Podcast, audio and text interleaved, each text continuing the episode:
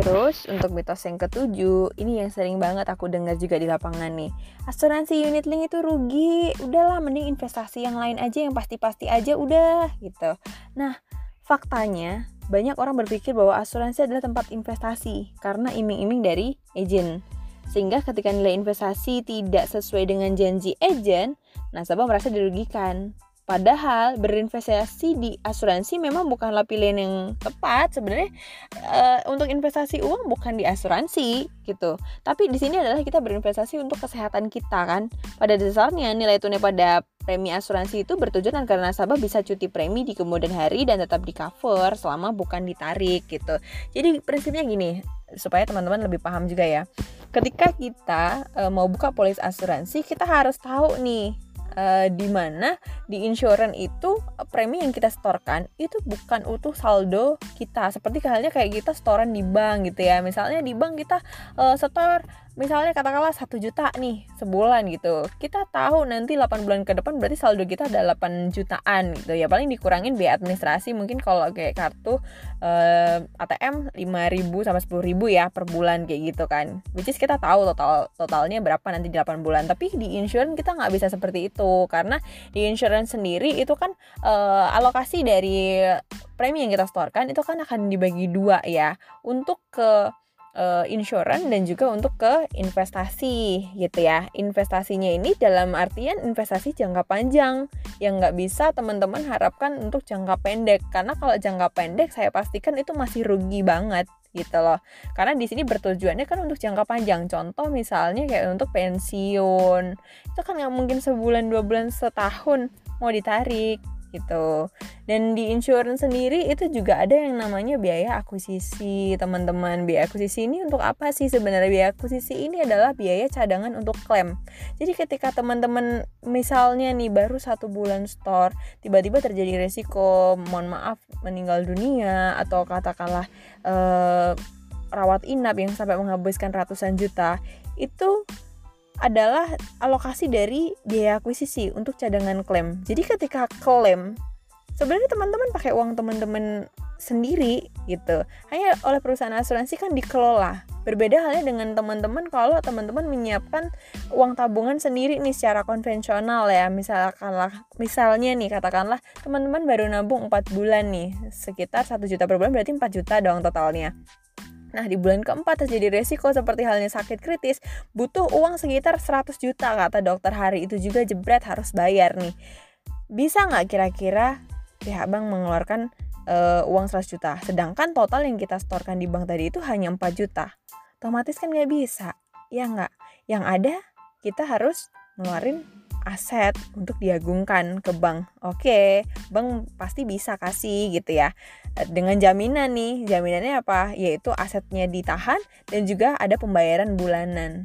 Nah, sedangkan pada saat sakit kritis balik lagi, produktivitas pasti menurun. Gimana mau bayar buat cicilan? Pasti udah fokusnya buat berobat, kan gitu. Jadi, uh, kalau aku bilang di asuransi itu harus jangka panjang sih gitu. Jadi nggak bisa untuk jangka pendek dan fokusnya kembali lagi ke kebutuhannya tadi itu sesuaikan dengan kebutuhan dan kondisi masing-masing.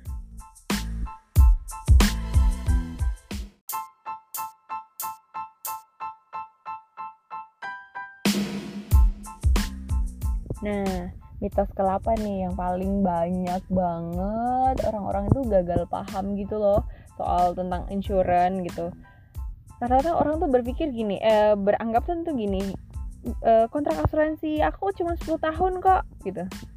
Setelah 10 tahun ya udah eh, gue nggak perlu bayar lagi. Itu mitos. Jadi faktanya sebenarnya ini 10 tahun itu adalah saat di mana nilai investasi mencapai hasil optimal ya. Nah hasil optimal itu bukan bukan berarti kontrak asuransi lo tuh berakhir gitu Eh, karena nilai tersebut akan optimal dengan catatan alokasi investasi itu rutin di review tidak pernah ditarik tidak untuk cuti premi juga kayak gitu. Nilai investasi itulah yang kemudian digunakan untuk membayar biaya asuransi sehingga anda tidak perlu lagi membayar premi. Jadi sebenarnya gini uh, biar lebih memperjelas lagi ya.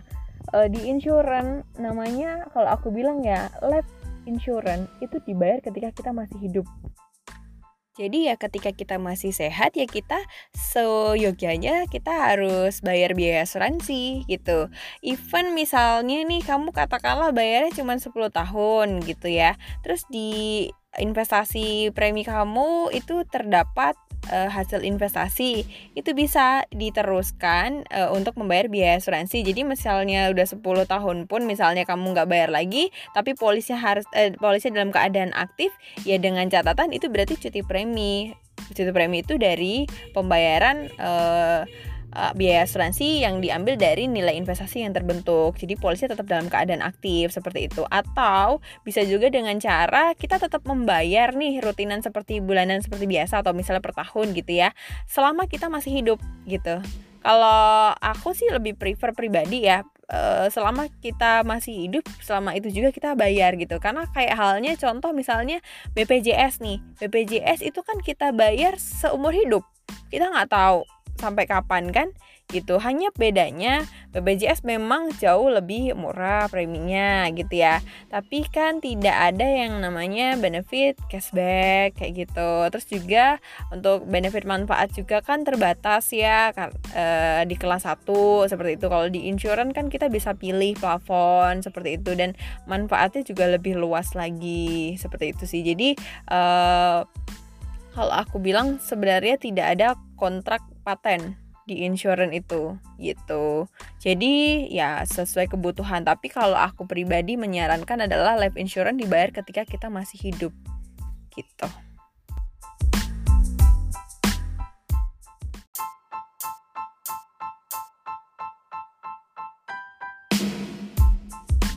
Dan yang terakhir adalah mitos ke-9.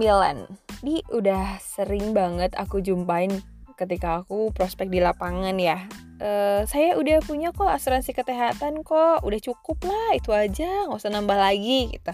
Itu sebenarnya mitos loh faktanya. Saat kita terkena resiko sakit kritis sebenarnya masih banyak hal lain yang nggak kelihatan. Namun makan biaya yang besar loh selain rumah sakit. Contoh misalnya apa? Pengeluaran bulanan yang harus tetap dibayar nih. Misalnya kayak kebutuhan sekolah, terus hutang-hutang, misalnya hutang dagang atau misalnya kita ada cicilan ke bank atau ke leasing, terus ongkos dan transportasi keluarga yang dampingin ketika perawatan atau belum lagi kalau misalnya pilih perawatan alternatif yang itu sama sekali eh, apa namanya mengeluarkan eh, uang cash atau fresh money ya biasanya. Itu kan biaya-biaya yang timbul kan dan itu harus terus berjalan. Nah eh, dan kadang nilainya justru lebih besar dari tagihan rumah sakit. Jadi kembali lagi tadi kalau eh, aku bilang ya sebenarnya kita punya banyak polis insurance itu nggak masalah nggak ada ruginya. Selama itu sesuai dengan kebutuhan kita. Jadi satu hal yang kita perlu uh, harus harus tahu ya nih ya untuk teman-teman yang belum punya asuransi ataupun yang udah punya asuransi. Memang satu hal yang paling penting pertama kita punya asuransi kesehatan karena ketika terjadi resiko uh, minimal ketika kita pada saat rawat inap kita nggak harus ngorek-ngorek duit tabungan kita pribadi itu satu. Nah, yang kedua, kita harus punya yang namanya proteksi income, proteksi penghasilan. Itu berbeda dengan proteksi kesehatan tadi itu ya. Proteksi income ini adalah uh, memproteksi penghasilan kita selama kita masih produktif tadi itu. Jadi ketika kita masih bisa ngasilin uang tadi itu kan kita masih bisa ya menuhin kebutuhan keluarga kita atau kita yang masih single pun kita juga masih bisa lah menuhin lifestyle kita gitu. Tapi ketika terjadi resiko perlu diingat lagi teman-teman bahwa semua itu akan bisa habis gitu ya istilahnya kayak income bisa stop loh kalau kita kerja di perusahaan ya nggak Uh, terus kebutuh kebutuhan kita yang tadi udah jadi beban bulanan kayak contoh misalnya ada yang nyicil kayak sekarang kan banyak ya teman-teman masih muda yang nyicil apartemen, nyicil mobil, nyicil apa segala lain segala sebagainya itu kan harus tetap jalan cicilannya. Jadi ketika kita punya proteksi income perlindungan tadi itu justru itu adalah melindungi cicilan-cicilan tadi, melindungi biaya-biaya hidup keluarga kita, melindungi biaya kebutuhan yang nantinya uh, harus harus dan tetap akan berjalan gitu. Jadi uh, punya asuransi kesehatan toh kalau ditanya cukup atau enggak aku bilang belum belum cukup gitu. Jadi kita harus sesuaikan gitu. Karena hidup ini kan kita terus bergerak ya teman-teman. Kita terus berubah. Ada yang sekarang kerja besoknya jadi pengusaha. Pasti kebutuhan biaya hidupnya juga jauh lebih besar. Nah di saat itulah kita yang namanya upgrading gitu. Jadi police insurance itu enggak mutlak harus satu itu doang sampai seumur hidup enggak. Jadi bisa diubah sesuai dengan kebutuhan gitu. Nah itu tadi teman-teman 9 mitos dan fakta yang uh, selama ini aku temuin di lapangan. Jadi uh, untuk teman-teman yang hari ini dengerin semoga teman-teman bisa lebih terbuka ya pikirannya tentang asuransi itu seperti apa. Uh, jadi bagusnya kalau teman-teman punya insurance itu seperti apa ya tadi aku bilang sesuai dengan kebutuhan. Kalau teman-teman habis dengerin podcast aku ini terus teman-teman uh, tergerak nih hatinya pengen tahu lebih dalam untuk tanya tentang insurance teman-teman boleh DM aku atau boleh WhatsApp aku ke nomor aku. Yang udah punya nomor aku silahkan japri atau telepon juga boleh. Atau kalau misalnya mau uh, ketemu langsung mau tanya-tanya seputar tentang asuransi sesuai dengan kebutuhan kalian is okay gitu. Yang penting adalah uh, bikin proteksi sedini mungkin. Jangan sampai terlambat karena penyesalan itu datang terakhir. Kalau di awal namanya pendaftaran. Oke, selamat pagi teman-teman.